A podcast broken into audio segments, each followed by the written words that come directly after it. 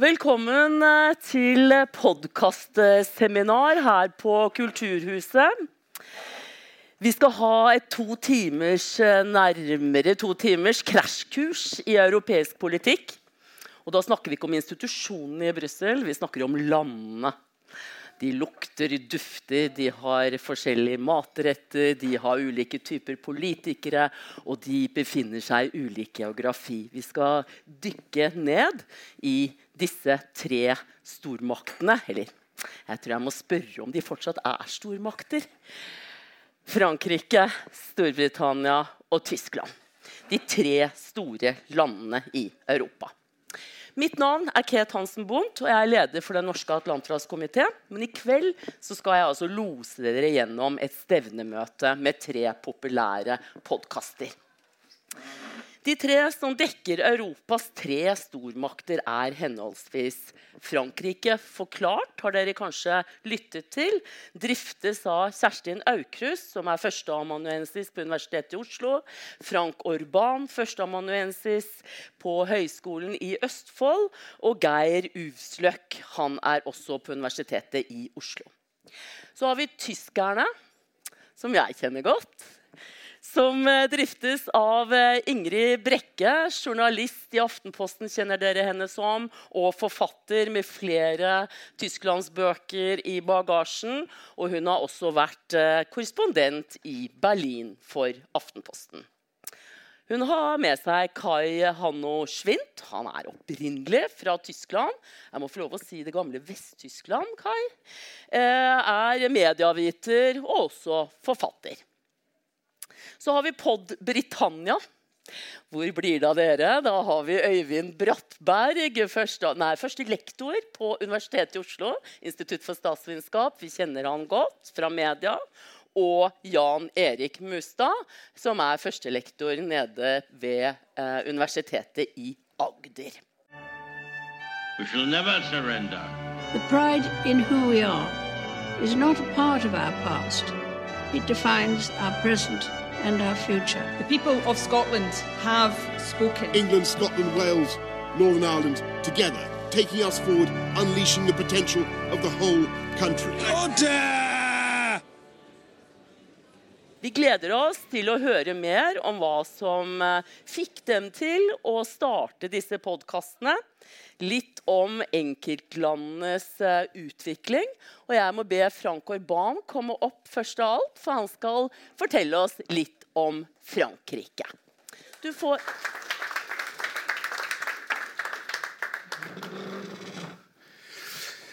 Vi vil gjerne stå. Jeg skal ta bare ett minutt først for å presentere podkasten vår. Du spurte hva som var ideen bak. Hvorfor starta vi med det? Vi starta med det fordi vi fant ut at eh, det var generelt sett for lite snakk om Europa, europeisk politikk og land, europeiske land. Og når det gjelder land som Frankrike og Tyskland, eh, kanskje i mindre grad eh, Storbritannia, så er det vanligvis vanskelig å rekruttere studenter, spesielt unge. Det er vanskelig å få dem til å lære språk. Uh, og um, det er en tendens nå er det franskmannen som snakker, det er en tendens til angelsaksifisering som gjør at det er mindre interesse for uh, andre europeiske land. Så vi tenkte at dette må, gjøre, dette må, vi gjøre noe med. Og så satte vi, et, vi satte oss et mål om å prøve å være premissleverandør til presidentvalget i år. Så vi starta i 2020. Vi har bak oss en, kanskje 60-70 episoder. Eh, de er på en halvtime. Vi har vanligvis en gjest med oss. Uh, og så har vi en anbefaling og en kronikk uh, i forskning.no og Transittmagasin. Så sånn, mm. sånn, har vi fungert, og vi skal fortsette videre med blanding av kultur, litteratur og politikk. Så det var på en måte min introduksjon om, om podkasten vår. Jeg har til og med vært gjest hos dere. veldig hyggelig. Veldig, veldig hyggelig. Um, Fra Macron 1 til Macron ja, 2, Frank. Ja, det, det var det. Uh, hvis jeg skal fokusere på, på han eh, som president, så, så, må jeg si at eh, det har vært eh, det har, vært, eh, det har vært et vanskelig gjenvalg for han i utgangspunktet. fordi at Selv om han hadde en stabil eh, ledelse i meningsmålingene eh, de siste årene, og det, der skilte han seg ut fra forrige presidenter, så var, eh, så var hans mandatperiode på fem år vanskelig. Altså, han har hatt ett år hvor det gikk ganske feilfritt. Det var 17-18. Og så begynte man, og så kom det tre kriser etter hverandre. Først hadde du de gule vestene fra eh, november, eh, altså høst 2018 til eh, tidlig på, i 2020 som ble avløst av covid-krisen. Og uh, rett etter covid-krisen, uh, før covid-krisen var over, så, eller, nei, etterpå, så kom uh, krigen i Ukraina. Så det har vært en periode veldig preget av kriser og en et krisetilstand i Frankrike av ulik, ulik, art. En annen grunn til at det var vanskelig for han å bli gjenvalgt, det var at det aldri før, aldri før har en sittende president i Frankrike blitt gjenvalgt utenom perioder hvor han måtte dele makten med en regjering av en annen farge. Så Det skjedde tre ganger, det, det skjedde par, tre ganger før. Uh, og Det skjedde to ganger at en president ble gjenvalgt mens han uh, hadde en regjering av en annen farge. Men det er første gang noensinne under Den femte republikk, som ble stiftet i 1958, at uh, en president utenom samboerskap, politisk samboerskap ble gjenvalgt. Så det var jo på, på en måte en bragd. Lav interesse fra velgernes side. Stor, stort antall hjemmesittere som var forventet. Uh, og uh, spørsmålet før det valget var jo punkt én. Kom franske velgere til å stemme, eller vil de holde seg hjemme? Uh, hvordan vil de etablerte partiene oppføre seg i dette valget? For fem år siden så, eh, ble det et sjokkvalg. Man snakket om degasjisme, som betyr at de etablerte partiene har mistet veldig mye oppslutning. Det, det rammet særlig venstresiden og Sosialistpartiet. Spørsmålet, eller Arbeidshypotesen i år var jo hvordan vil dette gå med høyresiden i år? og Hvordan vil venstresiden overleve dette valget? Det gikk dårlig.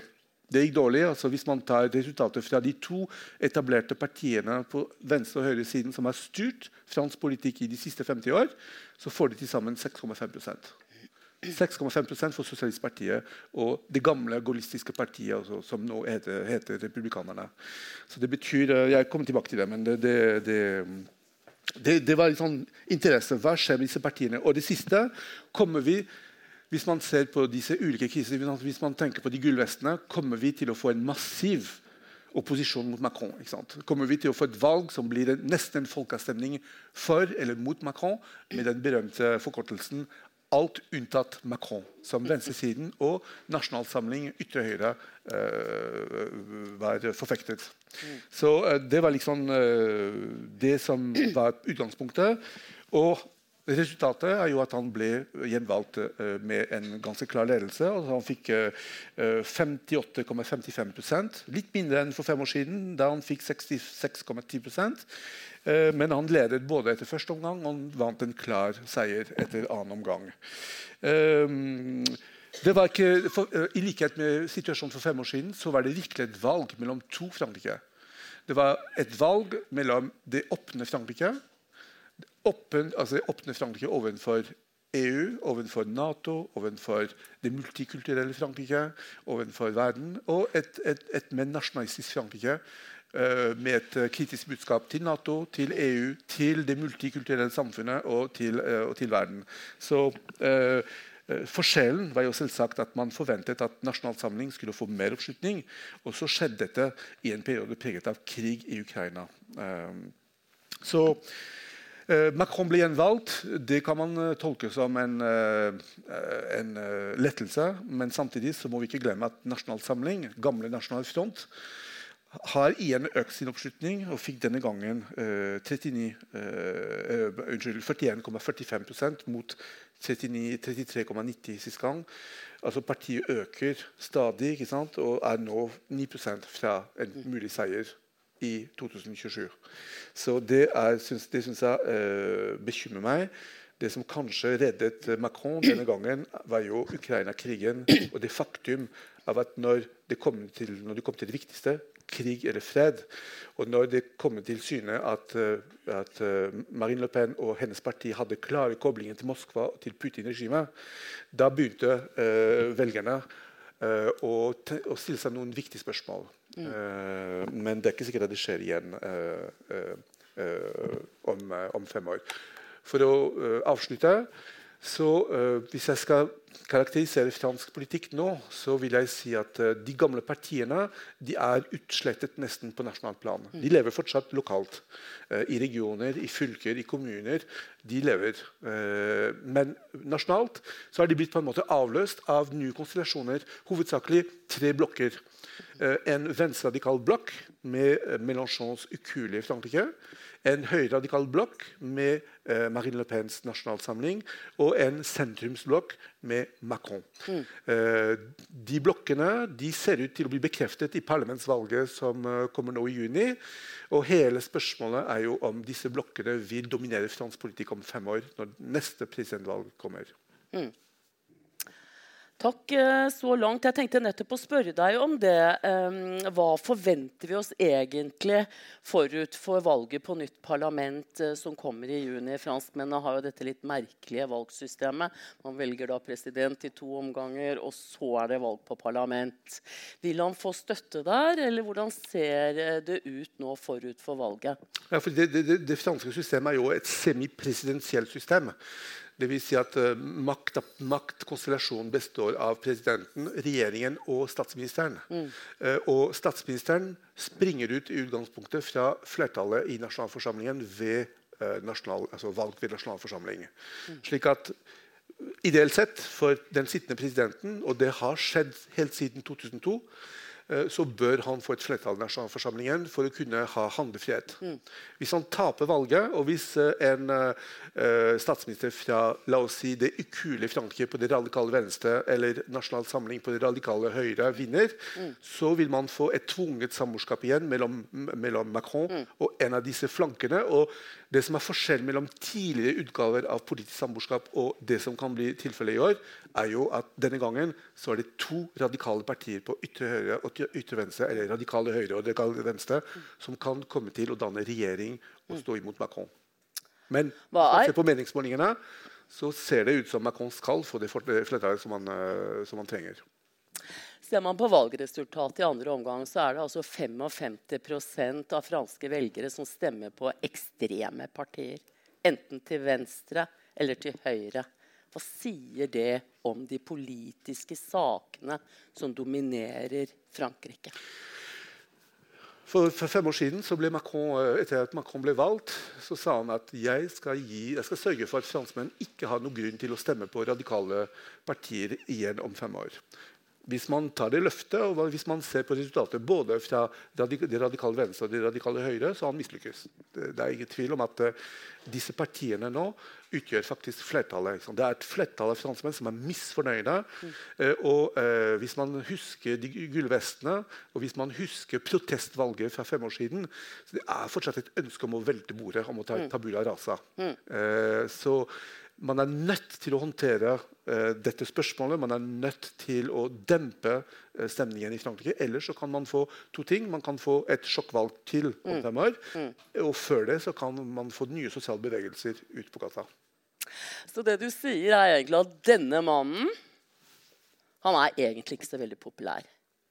Han er ikke den franskmennene ville ha ønsket seg hvis ikke det var for Vladimir Putin og krigen i Ukraina. Du nevnte innledningsvis tre kriser. De gule vestene, covid og Ukraina. Og kanskje ble krigen avgjørende. Ja, jeg vil kanskje være litt, litt mer moderert. Han har jo fått en del ting. Han har jo endret en del ting. Altså, reformtoget er gått. Altså, han, han, er populær hos en del av befolkningen. Omtrent 30 av, eh, i befolkningen for det han har gjort. Eh, og så må du se på motkandidatene. Verken Mélenchon eller Le Pen fremstår eller fremsto som virkelig troverdige kandidater. Så av fravær av mm. troverdige alternativer så fremstår fremdeles Macron som det beste alternativet. Nettopp. Eh, vi skal snart løpe videre til eh, tyskerne. Vi skal komme tilbake til Frankrike og hva valget av Macron betyr for verden og Europa. ikke minst. Men jeg vil bare avslutte med å spørre deg, Hvordan har man håndtert covid-19 i Frankrike? Hvor mye betydning har det hatt for innenrikspolitikken? Og hvor mange prosent er vaksinert? Oh, Jeg husker ikke hvor mange som er vaksinert, men jeg kan, jeg kan gi deg et tall som jeg eh, fant. Det var hvor mange som døde av covid i Frankrike. Eller covid-relatert. Og Frankrike var på tiendeplass i verden med 150 000. Så, så Wow. det er et tall som jeg syns er, eh, sier mye. Eh, og hvis man, eh, hvis man sammenligner den første fasen med den andre fasen Innledningsvis så ble eh, pandemien håndtert ganske dårlig. Fordi at man var ikke forberedt på den. Og takket være eh, eh, kontakt eller forholdet til tyskerne og, i EU-systemet, så klarte man å bygge opp et fellessystem som sørget for at man fikk vaksine etter hvert. Og det som var kanskje litt sært for Frankrike i forhold til andre land, var jo innføring av nett, altså nettstengning. Man hadde to perioder med, en periode med full nettstengning og en med delvis nettstengning, som egentlig ble tålt, ble, ble, ble tålt ganske bra av befolkningen. Så jeg husker alle disse ukene, og det var mange hvor folk ikke fikk lov å gå ut i det hele tatt unntatt én time for å lufte hunden. Og det var veldig eh, populært på den tiden å kjøpe seg en hund, for man kunne leie hunden ut. Eh, man kunne leie hunden, hunden sin ut til andre for at folk skulle kunne ta, ta seg litt eh, fri- fritur. Så, så, så det var en tung periode, men jeg syns egentlig at det ble tålt ganske bra. Men ett tall sier mye. 150 000 som da. Takk for det, Frank, eh, så langt. Vi skal komme tilbake til Frankrike om et lite øyeblikk. Eh, Først skal vi høre litt om tyskerne og utviklingen i Tyskland. Gi Frank en stor applaus.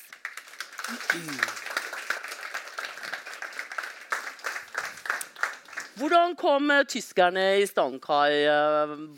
Når startet dere, og hva er poenget? Ja, Vi startet i 2018, hvis jeg husker riktig. Jeg og Ingrid, og du har jo introdusert oss. Og målet var egentlig å videreføre disse middagene og all den skravlingen vi hadde om Tyskland. som Vi deler jo et litt sånn perspektiv, men samtidig har jeg innvandret inn i Norge, har et blikk på hjemlandet mitt. Ingrid har vært korrespondenter. Så det skapte en litt sånn interessant dynamikk. Og så tenkte vi alle har en podkast, vi skal også ha en podkast. Og så satte vi i gang uh, og snakket om politikk, kultur og alt det andre som slogan vår da. Ja. Og du var gjest også hos oss. Jeg har også vært gjest hos dere. Veldig hyggelig. Uh, denne mannen Ja. eh, vant uh, parlamentsvalget i Tyskland i Ja. fjor i september. Olaf Scholz.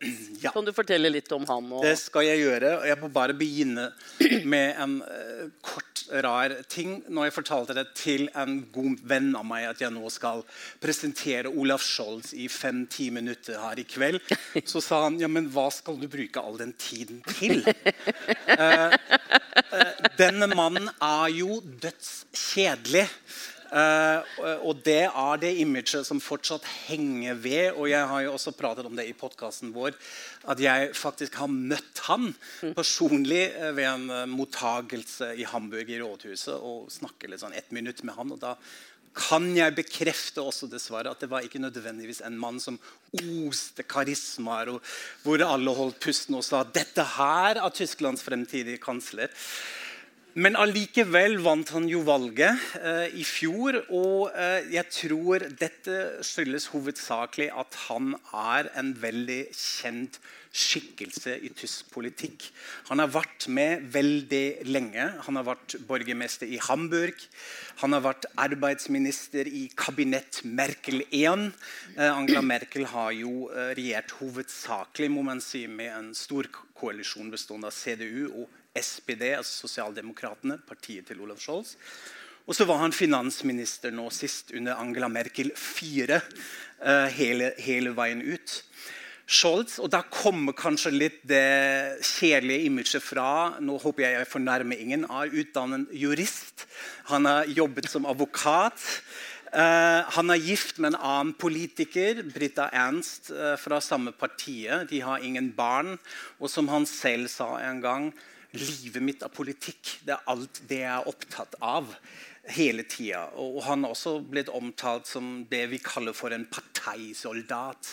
Partisoldat er en person som er trofast og lojalt mot partiet sitt på godt og vondt.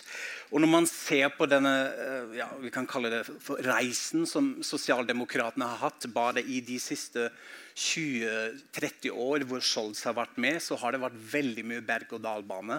Veldig mye som skjedde, men Scholz har vært med på en eller annen måte.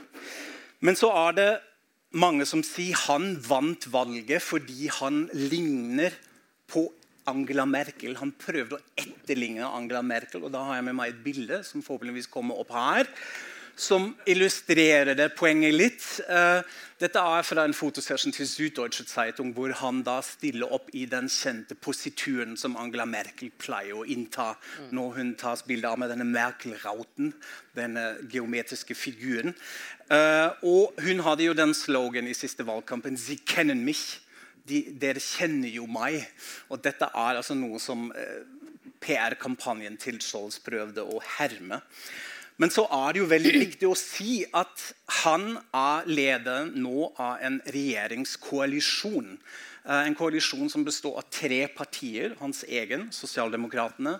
Eh, FDP, Fridemokratene, markedsliberalisme av stikkordet her, og De Grønne, som har jo hatt en voldsom oppsving i Tyskland i de siste årene. Og da har han faktisk fått veldig mye skryt ved eh, å holde sammen denne såkalte Ampel-regionen, trafikk lysregjeringen, som vi kaller det. Ikke trafikkryssregjering, som jeg har hørt uh, noen norske kommentatorer kalle det. Uh, det er sikkert noen som blir påkjørt da iblant, men poenget er at det er altså de fergene, rødt, gult og grønt.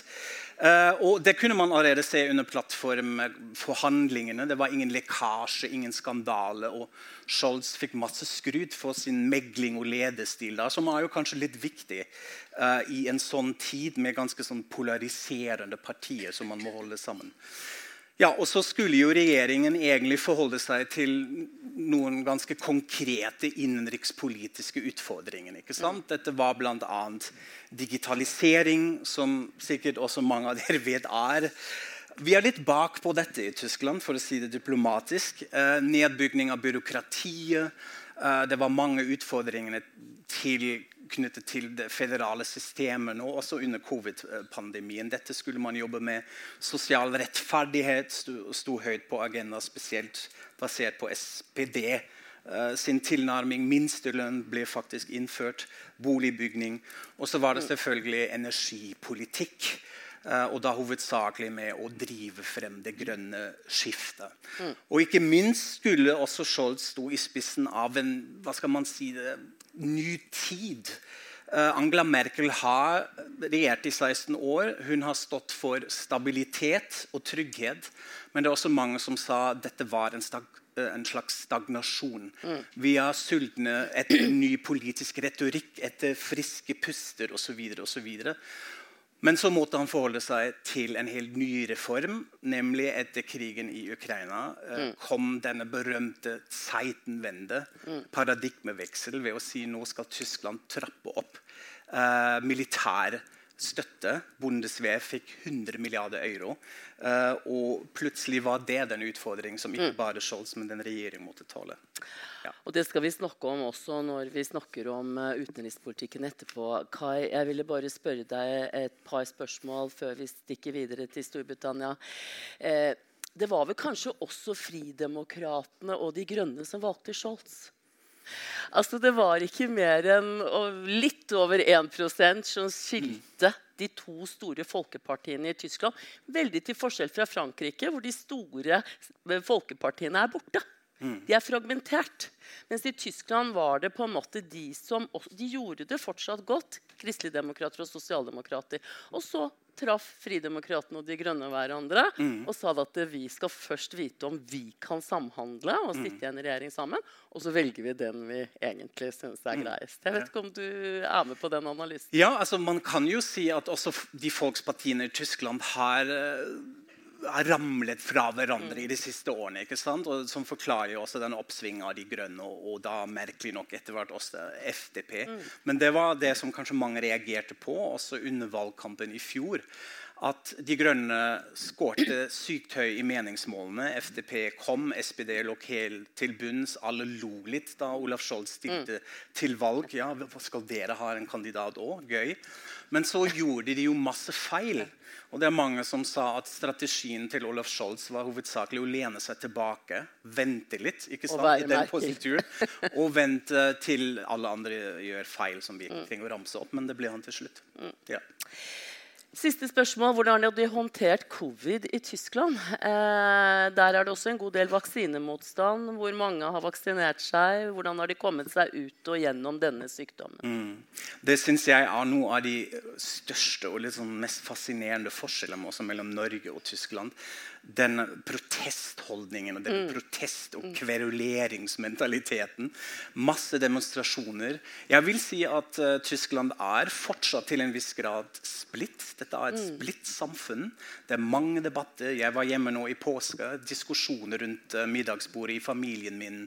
Pro, kontra vaksine, uh, riktige tiltak osv. Så, videre. så dette har på en måte en slags psykososial jobb man må gjøre mye man kan analysere da. Dette har med historien å gjøre osv. Så, videre, og så, videre. så dette er én oppgave. Og det andre har jeg vært borti federalismen. De mm. ulike tiltak i ulike delstater som må synkroniseres. Og, mm. Som fortsatt er en veldig krøkkete prosess, og som mm. fortsatt er en en utfordring. Men nå tror jeg har vi landet på sånn litt over 80% vaksinerte, så det er jo på vei. kan man si. Du nevnte stikkordet her. Tyskland er et føderalt land. Veldig annerledes enn de to andre. Men jeg må takke av deg, for tiden din har løpt ut. Gi ham en god applaus. Og så ber jeg Øyvind Brattberg komme opp og presentere Pod eh, Britannica. Britannia, mener jeg.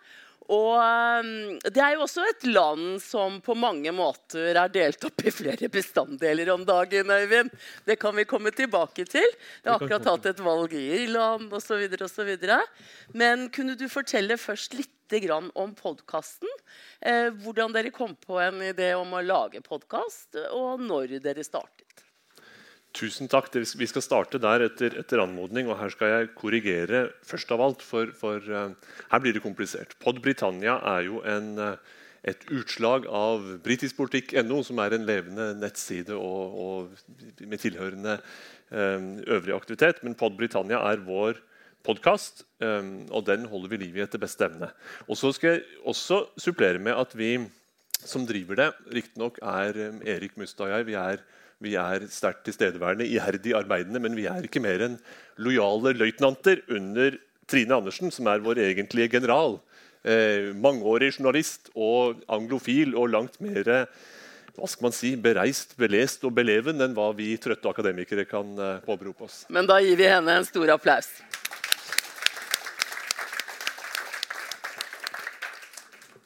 Så Storbritannia, Boris Johnson, villmann på gjenvalg. Kunne du fortelle litt om hva som foregår i dette landet vi egentlig reiser ofte til, vi nordmenn? Villmann på gjenvalg det var jo under en litt sånn eh, sprakete Zoom-samtale at den tentative tittelen ble valgt. Den er, jo, den er jo veldig passende. Synes jeg. Iallfall fremstår det jo gjerne slik når man ser Boris Johnson i hans ymse framtoninger, så er det jo så er det jo en, en, en villskap. En, en, ekte britisk overklasse, kalkulert villskap, riktignok, men fortsatt en, en villskap rent visuelt. Og så er det også en framtoning som er preget av en sans for um, hardtslående punchlines og for symboler, for det visuelle. Dette er jo godt, uh, en god illustrasjon på det, et godt eksempel på det. Her er det fra fra 2020, det berømte blå passet som, som gjenoppstår nå som man omsider er ute av EUs klamme grep. Så kan man få tilbake det blå passet, britenes blå pass. Og da er jo alt i orden. hva? Da har man gjort brexit i virkelighet og kan fremme en ny visjon for hva, hva Storbritannia kan være. Og vi kunne jo eh, i jakten på, på litt sånne brexit-relaterte sjablonger så kunne vi grepet tilbake til den røde bussen, som mange vil huske fra valgkampen i forbindelse med folkeavstemningen om brexit. Det var, That's the moment who made the man, kan man vel si. Det er jo det, det øyeblikket, den, den, evnen til å kalkulert gripe brexit-kampanjens muligheter, det er den som la grunnlaget for, for Boris Johnsons eh, klatring til toppen. Og, og, eh, så lot han jo hva skal man si, prosessen flyte i en seig strøm fram til han sjøl tok over roret eh, i 2019. Problemene er jo de som har kommet etterpå. Eh, hans egen statsministertid siden sommeren 2019 har vært en vanvittig berg-og-dal-bane. Vi kan komme litt tilbake til de forskjellige temaene som har, har, slått inn. Men vi har jo, igjen så kan man jo huske det visuelle. ikke sant? Fra, fra Get Brexit Done og slå neven i bordet via alvorlig covid-sykeleie, hvor han var eh, akuttinnlagt og, og døden nær. Eh, I retning nye toppmøter med, med, internasjonale ledere og et forsøk på å fremme Global Britain. Og så tilbake til hjemlige politiske skandaler. Og til slutt marsjerer han gjennom Kievs gater som en slags eh, eh, frihetens eh, forkjemper. Eh, og da i bevisst kontrast til enkelte andre europeiske ledere som enten ikke er velkomne eller ikke våger seg dit. Dette her er Boris Johnson i et, uh, i et nøtteskall. Um, sjablonger, det visuelle, ønsket om å kaste fram visjoner, beholde et slags politisk eierskap til slagordene som står øverst i avisene. Og så er det litt mer problematisk med implementeringen. kan man si. Og Det er jo det som uh, legger premissene for ferden mot neste valg. Hva var egentlig disse visjonene? Hva har blitt til gjennomføringen av det? Og, og, hvordan skal man bedømme ham når man får muligheten til det ved neste valg? Ja, hva er Boris Johnsons politiske prosjekt? Er det skjult bak et eller annet sted bak alle skandalene i hagepartiene? Hans politiske prosjekt tror jeg eh, aller først var å gripe muligheten til, til makt og så seile dit vinden blåser, så å si. Eh, og, og, bruke det for alt det var verdt. Eh, tid, tidlig eh, for ham så var jo brexit på et vis alle tings mening, eh, mening, og mål. Vinner man først utmeldingen av EU, så kan man forme et, et britisk samfunn etter noen gode ideer. Og en, en, stund så var det jo Dominic Cummings, hans, eh, hans eh, gale rådgiver, som, som tilbød en del strategier. Og de handlet jo om et, et en, en veldig smart og litt sånn slankere stat med, med, effektivt entreprenørskap, med en veldig bevisst gjennomtenkt innvandringspolitikk, med offensiv velferd de som trenger det mest. rett og slett, Å, vri og kna og gjøre alt veldig smart.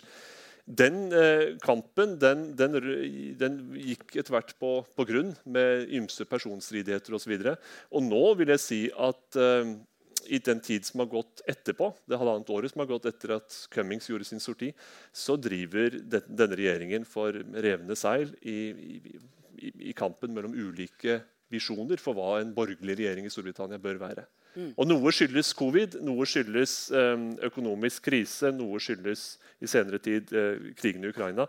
Men det er også uh, bortenfor slagordene en alvorlig utfordring, en uløst utfordring for Boris Johnson å rett og slett legge en mer langsiktig plan for hva hans regjering vil tilføre Storbritannia. Mm. Jeg må nesten spørre deg, Vi har akkurat hatt uh, et valg uh, i Nord-Irland. Hvordan påvirker dette utviklingen i London? Uh, vil vi ha et Storbritannia som vi gjenkjenner om en fire-fem år? Ja, det er, jo, det er jo på et vis paradokset her at man, at, at man, kjemper for en utmelding av EU, omsider oppnår å melde seg ut av unionen og opplever som en konsekvens av det at ens egen union er i ferd med å slå alvorlige sprekker. Mm. Det gjelder jo eh, åpenbart Skottland, og det gjelder det irske, irske problemet og grensen mellom Nord-Irland og, og Irland, som har vært en drivkraft bak de politiske vanskelighetene der mm. nå. Mm. Eh, unionistenes eh, nedsmelting, iallfall det største unionistpartiet, og, og Sinn Fein sin, sin, fremgang. Og denne tanken om at, at, Boris Johnson har vært villig til å kaste unionistene under trikken så å si, og la dette seile videre i retning et gjenforent Irland i et langt perspektiv. Det er den, den fortellingen man iblant får høre. Mm.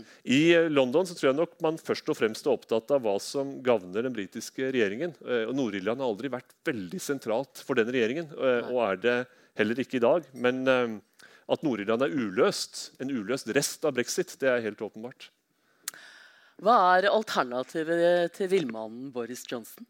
Sakføreren Keir Starmer må være eh, juristen Keir Starmer. Ettersom de har snakket om trøtt, eller kjedelige jurister, så er det også en, eh, en mulighet. Labour eh, som største opposisjonsparti har svære eh, troverdighetsproblemer fortsatt når det gjelder økonomisk politikk. Mm. Har mye uenighet omkring verdispørsmål, om hvilke velgergrupper man skal tekkes. Og har blitt et kolossalt sterkt parti i storbyene. Spesielt blant unge, utdannede, eh, internasjonalt orienterte.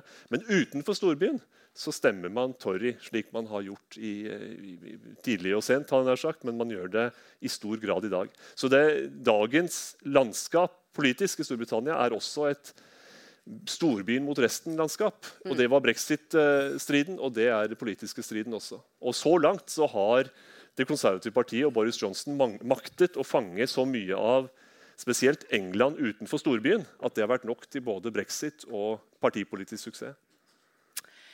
Tusen takk, Øyvind. Da takker vi også av deg. Jan, en stor applaus.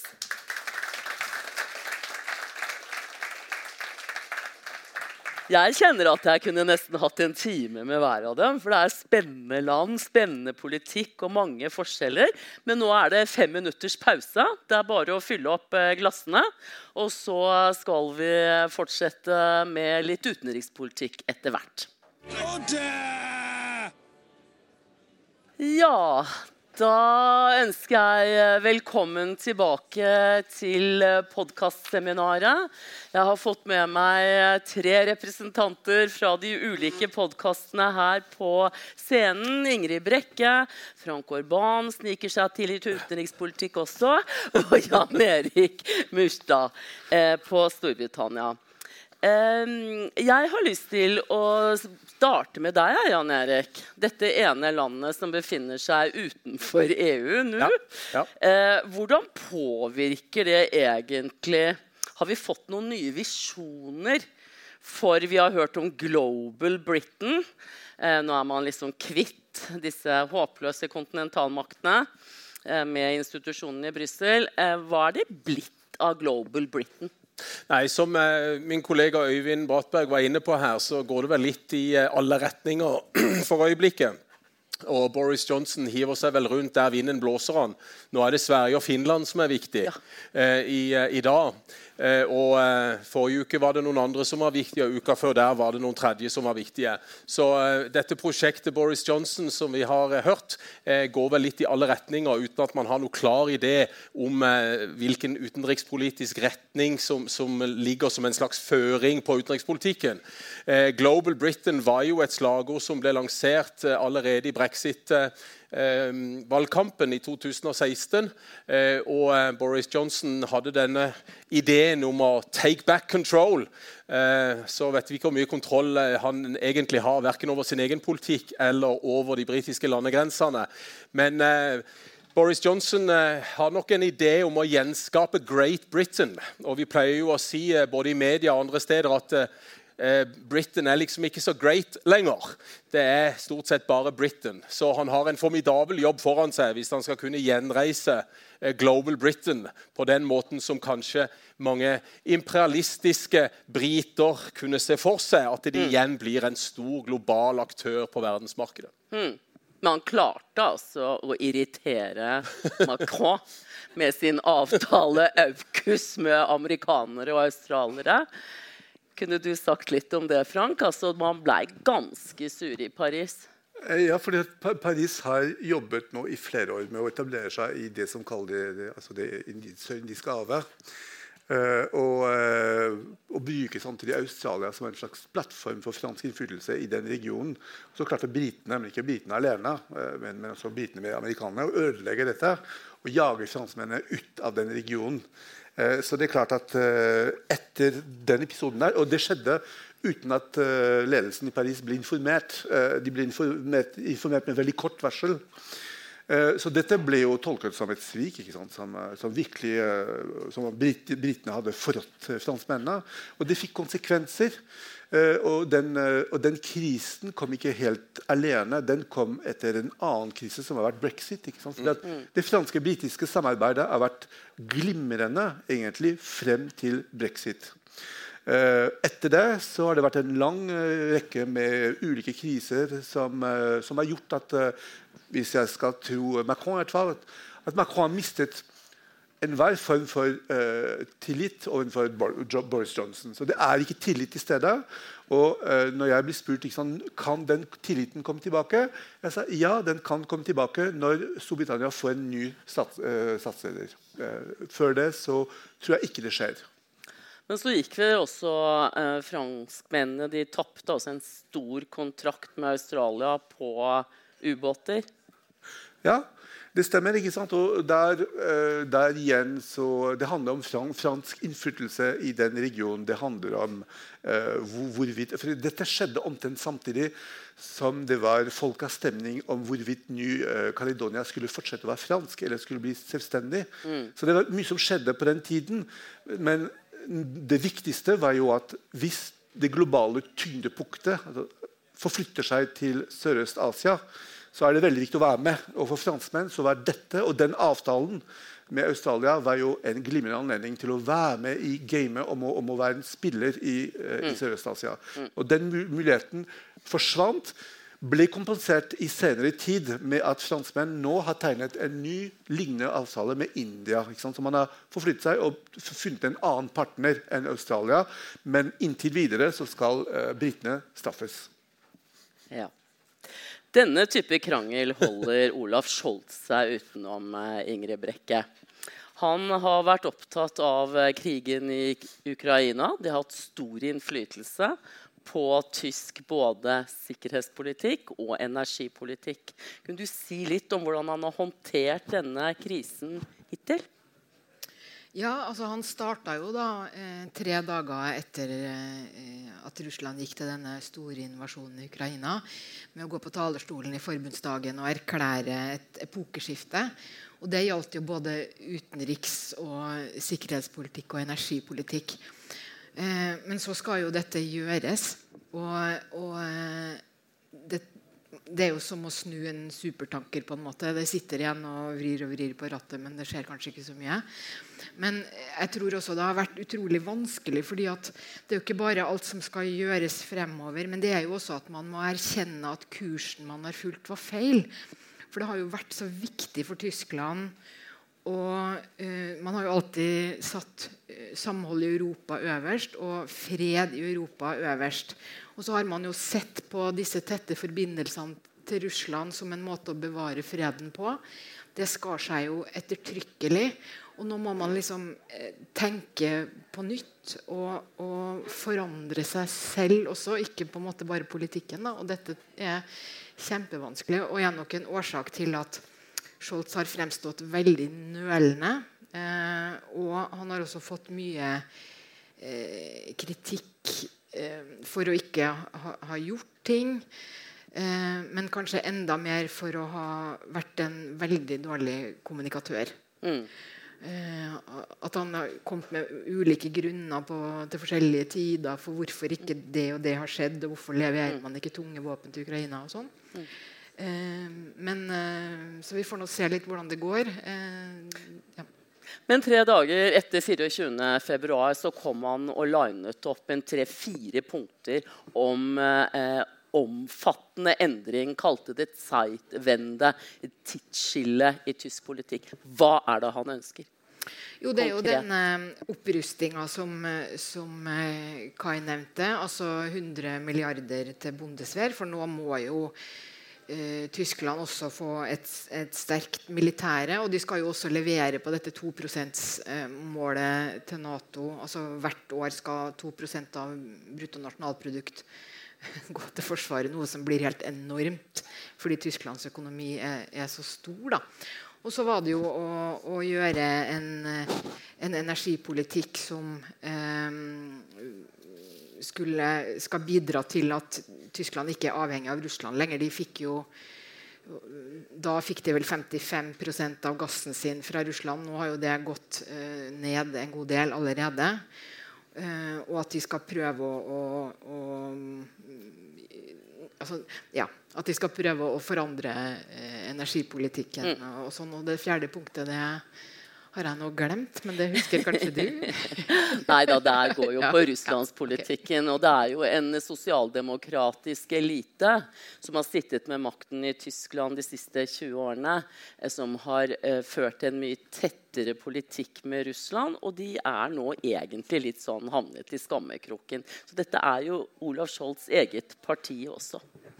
Men hvordan oppfatter man det i Frankrike og Storbritannia at tyskerne skal få et større forsvarsbudsjett enn Storbritannia og Frankrike til sammen. Og vi må minne om at Tyskland er en konvensjonell makt. De har ingen atomvåpen, sånn som de to andre har. Så dette kommer til å gå til konvensjonell opprustning. Frank? Ja, du nevnte, du nevnte at det som skjedde i Tyskland, er egentlig et tidsskifte i forhold til, til, forrige, altså til tidligere politikk. Eh, Når det gjelder fransk utenrikspolitikk, så er det egentlig en bekreftelse av et valg som man har tatt for lengst. Hvis man går tilbake til 2017 og Macrons tale ved Sorbonne, hvor han eh, snakket veldig varmt om behovet for å styrke EU, eh, og hvor han i ettertid har snakket om behov for å gi europeerne mer autonomi. Nå eh, har han endret litt grann, ord, ordbruken, og han snakker mer om europeisk identitet og suverenitet. Eh, det som skjer nå, er, tjener egentlig, eller det tjener ikke, men det bekrefter analysen i Paris. Det betyr at eh, en alvorlig krise, krig i Europa, eh, etter covid-krisen, bekrefter nok en gang at europeerne må få en, eh, en, en grad av, eh, av autonomi. enn de må styrke egen evne til å kunne håndtere egne kriser sammen. Det er den transatlantiske dimensjonen. Eller alene. Det er den ren europeiske dimensjonen. Så eh, fra Paris så, så Dette har vært en prioritet, og jeg var veldig nervøs på en måte for at Le Pen skulle vinne valget. for jeg tenkte at nå, nå skjer det. Nå kommer det en krise i Europa, en krig i Europa som bekrefter på en måte hvor viktig det er for europeerne å styrke sitt eget forsvar. Og så har man en regjering i eh, Berlin som er kanskje mer enn tidligere villig til å gjøre noe. For at Man kan si hva man vil om uh, kansler Merkel, men hun har ikke, gjort, hun har ikke altså, utmerket seg når det gjelder europeisk politikk. og så har man til slutt fått britene ut av EU. For Vi elsker britene, men de har jo vært et problem over lang tid når det gjelder for å styrke den forsvarspolitiske dimensjonen. Så nå var på en måte alt til stede for å kunne implementere det som har vært Macrons plan, som er å styrke EUs evne til å Mm. stå som en global, eh, handlekraftig aktør. Ved å få med seg Tyskland, som trekker i lag til å øke det forsvars- og sikkerhetspolitiske handler. Blant annet fordi at, eh, det er klart at eh, Fra et historisk perspektiv så blir franskmennene veldig nervøse når tyskerne får økt forsvarsevne. Men i det tilfellet for det- dette, punkt 1, det begynner å bli en del av historien. Og punkt to, du kan ikke ha et EU som har eh, forsvarskapasiteter uten å ha med tyskerne. Og jeg ville si at eh, Hvis du tar med, hvis du tar med Macrons siste forslag fra noen dager siden om, eh, om økt europeisk samarbeid, om en ny form for europeisk fellesskap som inkluderer Storbritannia, så tar man med seg det faktum av at et europeisk forsvar ikke er mulig uten britene. For britene har kapasitet. Så, så, så man prøver å tenke nytt. Man har gravd opp bl.a. Mitterrands gamle plan om en europeisk konfederasjon. Også for å gi landene som Ukraina eller Balkan en, et perspektiv. eh, Et, et, et, et, eh, en sterkere eh, mulighet til å bli medlem innen rimelig tid. Britene, hvordan tenker de om økt uh, tysk uh, forsvarsevne? Ser de det som en styrking av Nato-samarbeidet, eller en styrking av mulig EU-forsvarssamarbeid? Det er en stor grad av ambivalens i London i forhold til dette. Eh, både i forhold til sikkerhetspolitisk samarbeid og det at Storbritannia står utenfor EU. Så, så her eh, ris det nok flere hester samtidig. Vi var inne på Australia eh, og, og Storbritannia og Frankrikes rolle der nede. Eh, så ligger da i, i bakhodet til britene alltid samarbeidet med USA, som selvfølgelig er mye sterkere enn de andre europeiske landene samarbeid med USA. Så Boris Johnson og London-regjeringen har nok en ganske stor grad av ambivalens i forhold til det som skjer på det europeiske kontinentet. Eh, og eh, Vi har jo sett da Boris Johnson eh, i en del solomanøvrer rundt forbi, også i Ukraina, som, som Øyvind nevnte tidligere. Så dette bærer jo litt preg av både Global Britain, ja, sikkerhetspolitisk samarbeid i Europa, ja, fortsatt samarbeid gjennom Nato, spesielt med USA. Så har vi da dette i tillegg i, i Sørøst-Asia. Så, så han rir jo alle de hestene han kan, og dette er jo typisk Boris Johnson eh, i, i forhold til den statsministerperioden vi, vi har lagt bak oss nå et par år. Så, så han rir alt samtidig. Og nå rir han svensk og finsk Ja. Nato-medlemskap. Ja. Og jeg vil tro at i London så ser man på det. Dette er jo land som har samarbeidet relativt tett med britene Ja. på det forsvarspolitiske og sikkerhetspolitiske området. Dette bør som en styrking av Nord-Europa på innsiden av Nato. Kunne du sagt litt om det? Ja, er en han- debatt om det? Ja da, og du, du kan jo si at det, han, han har jo interne eh, debatter og stridigheter om eh, atomubåtene i Skottland eh, med Nicola Sturgeon, som er førsteminister der oppe. Eh, og vi vet jo at Skottland er hissig på å komme ut av unionen, iallfall hvis man skal tro de eh, siste meningsmålingene der oppe. Eh, så, så den går jo, og så går jo da eh, denne nordflanken gjennom Norge, Nato, gjennom da Sverige og Finland. Og i dag er han i Sverige, og i morgen er han i Finland. Eh, Og dette er jo på mange måter på vegne av Nato også, men også på vegne av britisk sikkerhetspolitikk. Interessant. Um, tilbake til deg, Ingrid. Altså, vi har snakket mye om Olav Scholz her. Eh, men så når jeg ser på Berlin om dagen, så er det jo nesten som om de to lederne i De grønne er de politikerne som er mest populære, som får mye taletid i TV. Eh, vi har Habeck, som er klimaminister og selvsagt er frontfiguren for den nye energipolitikken. Og så har vi Anna-Lena Baerbock, som er utenriksminister. Kunne du sagt, Hun virker nesten tøffere enn Olav Scholz overfor Russland. Kunne du sagt litt om hennes veivalg eh, sånn utenrikspolitisk? Hvor mye former hun det på egen hånd utenom kansleramt? Ja, altså eh, Noe av det første Scholz gjorde, det var jo å si at russlandspolitikken den skal ligge på mitt kontor. Eh, sånn at eh, hun ikke skulle ha det formelle ansvaret for det. Og det er jo selvfølgelig fordi det er så vanskelig å håndtere eh, for hans eget parti. Så han måtte liksom føle seg veldig sånn avbalansert frem. Men, men det er jo også fordi at det kanskje er naturlig at en kansler holder på det. Fordi det er så viktig. Det gjorde Merkel også. Men eh, Baerbock har jo likevel klart å, å markere seg ganske tydelig. Eh, hun var jo også i Kiev nå denne uka som den første fra den tyske regjeringa etter krigen eh, tok av. Og en grunn til at eh, både hun og Habek eh, er så synlige nå, eh, det er jo fordi at De Grønne er jo det ene partiet som virkelig har hatt et riktig moralsk kompass eh, siden eh, Russland begynte krigen i Ukraina i 2014.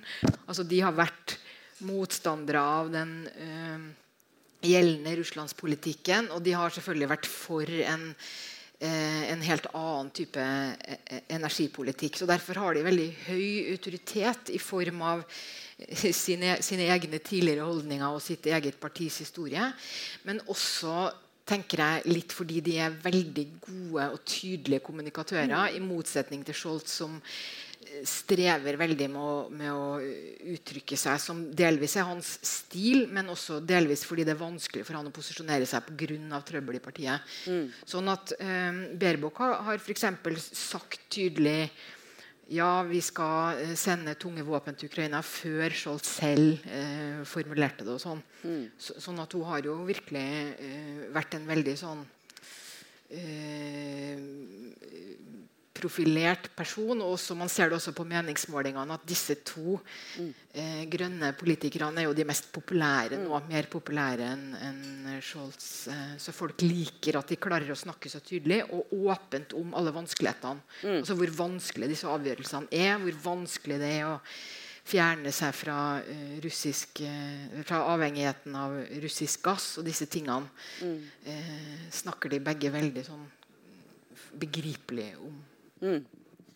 Interessant. Eh, Frankrikes russlandspolitikk. Macron var jo en av de europeiske lederne som satt ved Putins lange bord. Eh, han har også snakket med Putin gjentatte ganger i telefon. Litt sånn overtatt hva man skal si Angela Merkels rolle, som var den som ringte til Vladimir Putin. Eh, hvordan virker den russlandspolitikken han har tenkt å føre nå under sin andre regjering? Har han noen klar mening og mål med det han gjør? det, det er to sider ved Macrons utenrikspolitikk. Den ene, den ene er deklamatorisk, og den andre er virkeligheten. Uh, Macron var veldig opptatt av å ha et godt forhold til både Trump og Putin i 2017. fordi han tenkte å videreføre den gaullistiske utenrikspolitikken, som er at Frankrike som en stormakt stor, Du spurte, stilte spørsmålet hvem er, det, hvem er stormakt. Frankrike er uten, uten tvil fortsatt en, en, en stormakt. I sitt eget og hvis du er en stormakt, så skal, du, så skal du være selvstendig. Og hvis du, er, hvis du er selvstendig, så skal du kunne snakke både med russerne og med amerikanerne. Det er på en måte det deklamatoriske. Eh, Men hvordan har det gått? Eh, Har eh, Macron klart å endre Trump eller Trumps politikk? Nei. Har Macron klart å endre Putin eller påvirke Putin? Nei. Så når man ser på resultater, så er det vanskelig, det er- vanskelig å si egentlig hvor vellykket den strategien har vært. Det som også er spesielt i Macrons tilfelle nå, er jo at det handler ikke bare om Frankrikes president. Det handler også om det landet som har EU-formannskapet frem til 1.7. Og dermed så uh, fører på en måte Macron to spor. Det ene sporet er den golistiske tradisjonen om å snakke med russerne uansett hvor ille det går. Og Målet med å fortsette å ha en samtale med, i hvert fall en dialog med Putin er å prøve å påvirke han til å trappe ned. Og Det andre er den funksjonen du har som, eh, som land som har formannskap i EU, eh, med, eh, med et eh, visst ansvar for å sørge for at eh, EU-landene opptrer samlet, og at russerne ikke klarer å utnytte splittelser innad i EU. Eh, Fordi det er jo et, eh, den utfordringen. Her har vi ganske store ulikheter landene imellom. Jan Erik. Altså, Mm. Vi har et Tyskland som er i ferd med å forlate sin tro på vandel durch handel, altså endring gjennom å handle med Russland. Mm. Vi har et Frankrike som fortsatt ser seg selv som en stormakt som skal samtale med Russland. Mm. Og så har vi Storbritannia som har hatt et ganske dårlig forhold til Russland lenge. Ja. Fordi man har hatt disse giftdrapene på britisk jord. Ja. Selv om eh, de store oligarkene bor rundt Hyde Park, eh, så har man liksom ridd litt ulike hester der òg. Men hvordan er relasjonen nå til Russland? Relasjonen har jo vært dårlig som du sier, over mange mange år. Eh, og Giftdrapene og, og alle disse rike russerne som egentlig ville slå seg ned i liberale USA, men som måtte ta til takke med Storbritannia, eh, de har jo nå fått frøset alle sine store, store formuer. Og man har gått til alle slags, alle slags mulige tenkelige eh, måter å, å hindre disse oligarkene å, å benytte seg av noe som helst av sin rikdom. Eh, så, så er jo også hans eh, tur til Kiev et tegn på hvor lojaliteten ligger, selvfølgelig, i forhold til eh, Russland. Eh, så det at han besøkte eh, Ukraina på den måten han gjorde, og vandra rundt der som en helt i gatene, var jo like mye et signal til Russland om at vårt forhold er dårlig og kommer til å forbli dårlig. Dette, dette forholdet er kaldt, og, og det blir kaldere og kaldere for hver uke som går. Så, så det kommer ikke til å bli noe bedre. Og, og alle disse rettssakene i forhold til giftdrap, alle disse oligarkene som har blitt utsatt for terrorangrep, eh, mordforsøk det, det er klart at det har ikke bedra forholdet mellom Storbritannia og, og Russland. Eh, fotballklubber må selges. Eh, så, så her eh, får, får vi en, en eh, enda dårligere relasjon mellom Storbritannia og Russland i, i tida som kommer. Men har man noen diskusjon, noen debatt om forholdet til Russland? Altså, Nei. Russland kan jo ikke trylles vekk. Det vil jo være Ja, der. Nei, altså Det er lite diskusjoner akkurat nå, og eh, det har stort sett gått på oligarkene. Å begrense de så mye som mulig, og, og fryse disse voldsomme formuene de har. eh, Og, og innføre straffetiltak, spesielt økonomiske straffetiltak, i disse som sitter i kretsen rundt Putin. Eh, Og Det har man jo lykkes med i veldig stor grad. De kom sent på banen, men da de først kom på banen, Storbritannia, så så, så skrudde de jo til ganske hardt. Eh, og, ja, eh, og kanskje hardere enn de europeiske landene har gjort. absolutt. Eh, og vært ganske klare i retorikken også. Og Det er jo også en del av, Johnsons politikk å tåkelegge Partygate og alle problemene på hjemmebane med å bruke denne utenrikspolitiske arenaen til å hele tida prate om Ukraina og være i Kiev og, og snakke ned Putin. Vi lever i en verden preget av stormaktsrivalisering. Vi må jo snakke litt Mm. om eh, Storbritannias relasjon til vennen USA også. Ja. Er det tettere nå enn det var under f.eks. Obama? Eh, vi begynner vel å nærme oss et noenlunde samme nivå eh, mellom, eh, mellom eh, Johnson og, eh, og Biden som, som vi hadde med, med Obama. Eh, det er klart Ingen hadde gode forhold til Trump, og, og alle ville helst la han bare være i fred. Eh, selv om Johnson selvfølgelig var på besøk. Det er jo ofte sånn at eh, Den amerikanske nyvalgte presidenten kommer først til Storbritannia. Hvis de kan komme først til Storbritannia, så blir Storbritannia litt eh, sure. For de har jo dette special relationship, som kanskje er mer spesielt for Storbritannia enn det er for USA. Men jeg sier jo ofte når det gjelder utenrikspolitiske prioriteringer, så vil eh, Storbritannia velge USA ni av ti ganger. Ja. Så, så der, der er en helt klar allianse der som, som kommer til å, å fortsette, og som er sterkere nå enn han har vært før på mange år. Frank, altså Frankrike, stormakten, eh, vil jo snakke med USA også. Hvordan er relasjonen eh, til eh, Macron, til Joe Biden-administrasjonen? Eh, Atskillig bedre enn med, med Trump. Eh, men etter en stor forventning, et stort håp om en atskillig forbedring av forholdet, men nøktern. Eh, jeg tror at Hvis man skal be beskrive dette forholdet så man, det, det er litt sånn flere sirkler her. Den første sirkelen det er Vesten. Vesten er gjenskapt. Vi er litt i, Cuba-krisen nå. Det vil si at eh, vi har en eksistensiell trussel mot et europeisk land. Eh, og den eh, transatlantiske solidariteten den er kommet med fullt stykke inn igjen. Og Det ser du også på Frankrikes måte å snakke om Nato på. Sant? F- Over, eller Ferdig med brain dead eh, Nato. og en nøktern diskurs om, om behovet for Nato i europeisk sikkerhet. Alltid med en påminnelse om at europeisk sikkerhet betyr både Nato og EU. Ja. Men, men likevel, man er fullstendig klar over hvor viktig, hvor viktig denne koblingen til, til USA og til Nato er. Vi må jo da også innom den tredje store makten i verden, Asia. Det er jo Storbritannia som påberoper seg å ha en sånn spesiell Global Britain. altså Hva slags relasjon har de til Kina? Asia. Hvordan ser de på et kommende eh, en supermakt som Kina? Eh. Vi har jo sett at de har vært opptatt nå å eh, inngå bilaterale handelsavtaler f.eks. med store deler av Asia etter brexit. Eh, og Det har jo vært viktig for dem å bygge de relasjonene gjennom handel. For vi vet jo at Storbritannias historie har dreid seg mye om handel før de andre tingene kommer etter hvert.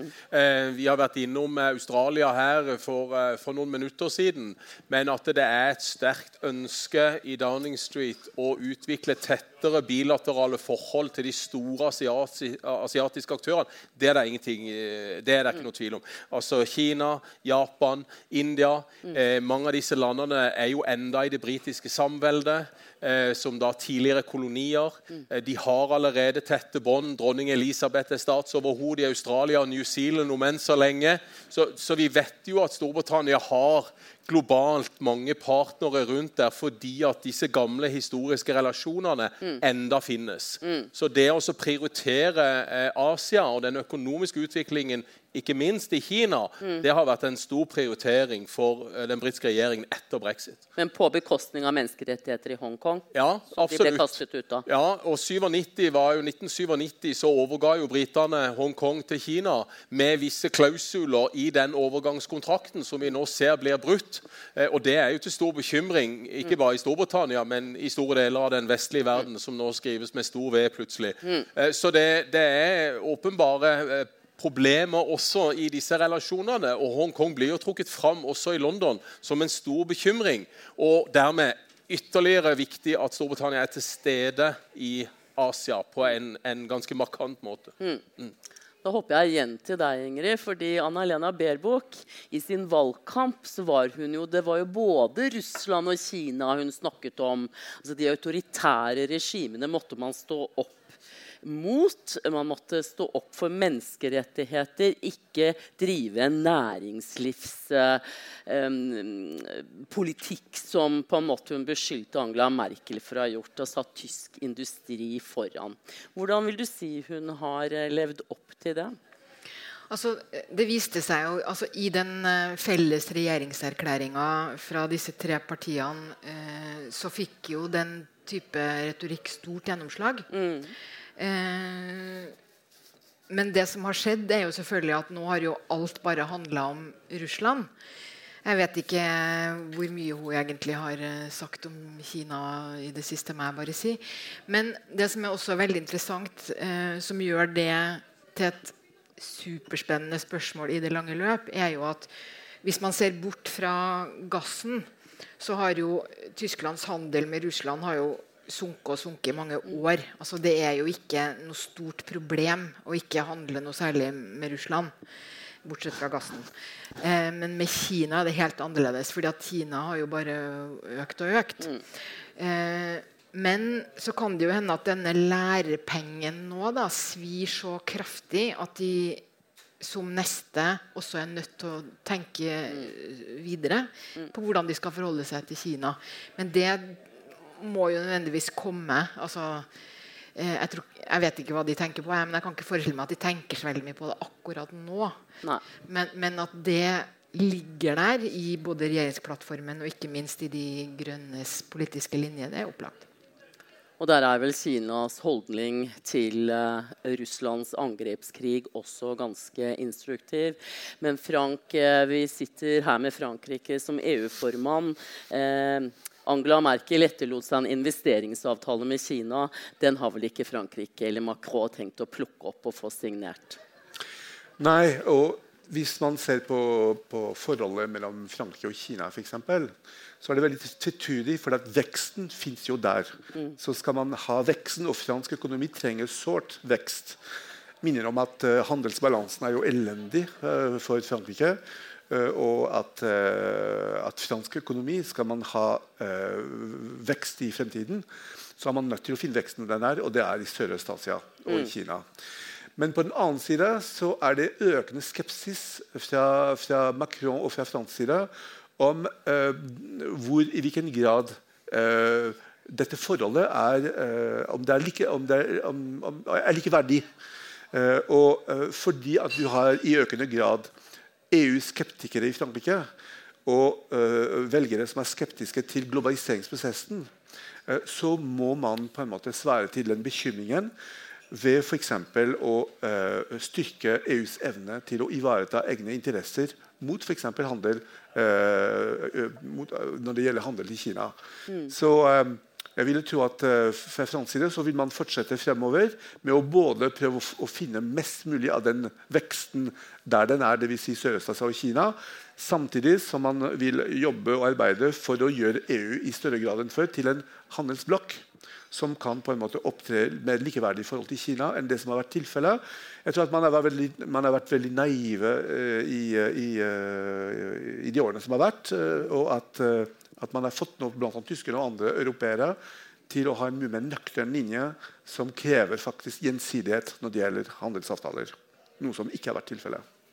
Og dette er det jo ikke bare krigen som har avdekket, det er jo også pandemien. Hvordan globale verdikjeder gjør oss meget sårbare maskene befant seg altså i det landet hvor viruset kom fra. Nå skal ikke jeg gjenta Trump og si Kina-viruset, men er, den er jo ikke over ennå, denne pandemien, når vi ser på Kinas behandling av innbyggerne i Shanghai bl.a. Så vi, har, vi står oppe i mange kriser. Vi skal forlate kriseperspektivet her. Vi skal etter hvert uh, åpne opp for spørsmål uh, fra salen. Da slår man av uh, podkasten. Men jeg vil først bare få lov til å både takke dere for veldig gode svar, men jeg vet at alle podkastene har en eller annen form for avrunding. Eh, i sine um, programmer, uh, hvor dere i Tyskerne, Ingrid, spør gjesten om eller annen, et eller annet ord. Et eller annet litt merkelig ord på tysk. ja. Kunne du kanskje komme opp med et ord i kveld? Ja. Jeg har, jeg har, faktisk med meg to ord. Jeg skal gjøre det litt fort likevel. Og Det ene ordet det er mer et sånn tips til alle som kan litt tysk, og kanskje skal til Tyskland eller noe. Og det er nemlig genau. Eller genau hvis du skal til genau. Berlin. Genau, Det betyr akkurat. Eh, og det som er så utrolig bra med ordet genau, det er bare at hvis du bare kan litt tysk, og så bare sier du genau hele tida i en samtale, så høres det bare ut som du har nådd et par eh, nivåer opp i språkkunnskapen din. Så det er bare kjempenyttig. Eh, så det er et veldig vanlig ord. Og så har jeg med et veldig uvanlig uttrykk, som er nemlig 'beleidigte leberwurst'. Ja. Eh, og det betyr altså fornærmet eh, leverpølse. Og grunnen til at det er så aktuelt, det er det at um, uh, Ukrainas ambassadør i Berlin kalte Olaf Scholz for dette. Eh, og Det sier bare noe om temperaturen i Ukraina-debatten i Tyskland. Og uttrykket det er altså å spille en fornærma eller um, krenka leverpølse. Det betyr å furte eller å være sur uten grunn. Og Det handler egentlig ikke om at, pølsa er lagd av lever, men det, handler, det, har noe å gjøre med at leveret er det stedet hvor ulike temperamenter viser seg. Det, så uttrykket er litt eh, i samme sjanger, eller nesten det motsatte av å snakke rett fra levera. Men jeg bare syns det er så morsomt å kalle noen en fornærmet leverpølse. Det, det kan man jo ta med seg. Fantastisk ord!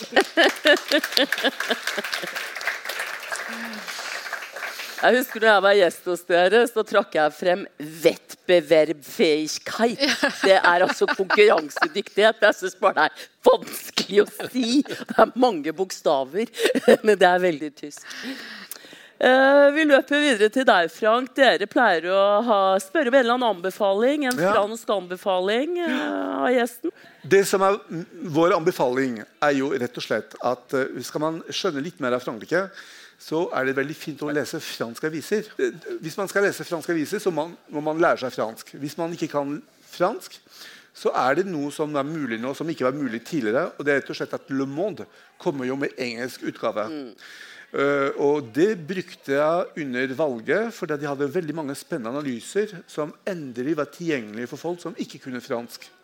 Så jeg vil anbefale at dere, hvis dere ikke kan fransk, at dere fortsetter å bruke Le Monde. Engelsk versjon videre. Det er stort sett gratis, og de er, det er de samme artiklene som den franske versjonen. De er ganske gode. Og Le Monde er en seriøs avis. Veldig bra. Når jeg var gjest hos dere, så anbefalte jeg en fransk vin. Talbot. Meget god eh, bordeauxvin som jeg drakk, for jeg snakket om det tysk-franske forholdet hos dere i Sicilienhof utenfor Berlin, i Potsdam, hvor Potsdam-avtalen ble forhandlet frem mellom eh, Truman, eh, Churchill og Stalin. Og han kom og hentet denne frem. Den var støvete og forferdelig fra kjelleren. Og jeg og min mann var overbevist om at dette var det samme de tre hadde drukket. når de satt der. Men fransk vin intet over, intet ved siden, må jeg få lov å si. Storbritannia, dere pleier ikke å ha noe sånn verken anbefaling eller ord, men jeg har bedt deg rote frem et litt sånn spesielt sted vi alle nå bør dra til. På den britiske øya. Ja. Eh, nå etter to år med pandemi, hvor vi er veldig reisehungrige. Et litt spesielt sted. Vi er selvfølgelig reisehungrige til Storbritannia, og Storbritannia har jo masse å by på. Eh, og Nordmenn er jo veldig glad i å reise til Storbritannia. Og eh, Min eh, ansvarlige redaktør Trine mente at vi skulle slå et slag for Norwich. Og Norwich er en fantastisk fin by på Norfolk-kysten, som eh, ligger i East Anglia, som er en time og halvannen ut fra London. Eh, nydelig eh, omland, flott by med en gamleby og alt sånt. Så det området der er det fantastisk fint å reise i. Så vi slår et slag for et område som kanskje ikke omtales så mye i norske medier, og heller ikke i norske reiseartikler. Norwich er stedet. Ok, Da vet vi hvor vi skal i sommer. Gi dem en stor applaus.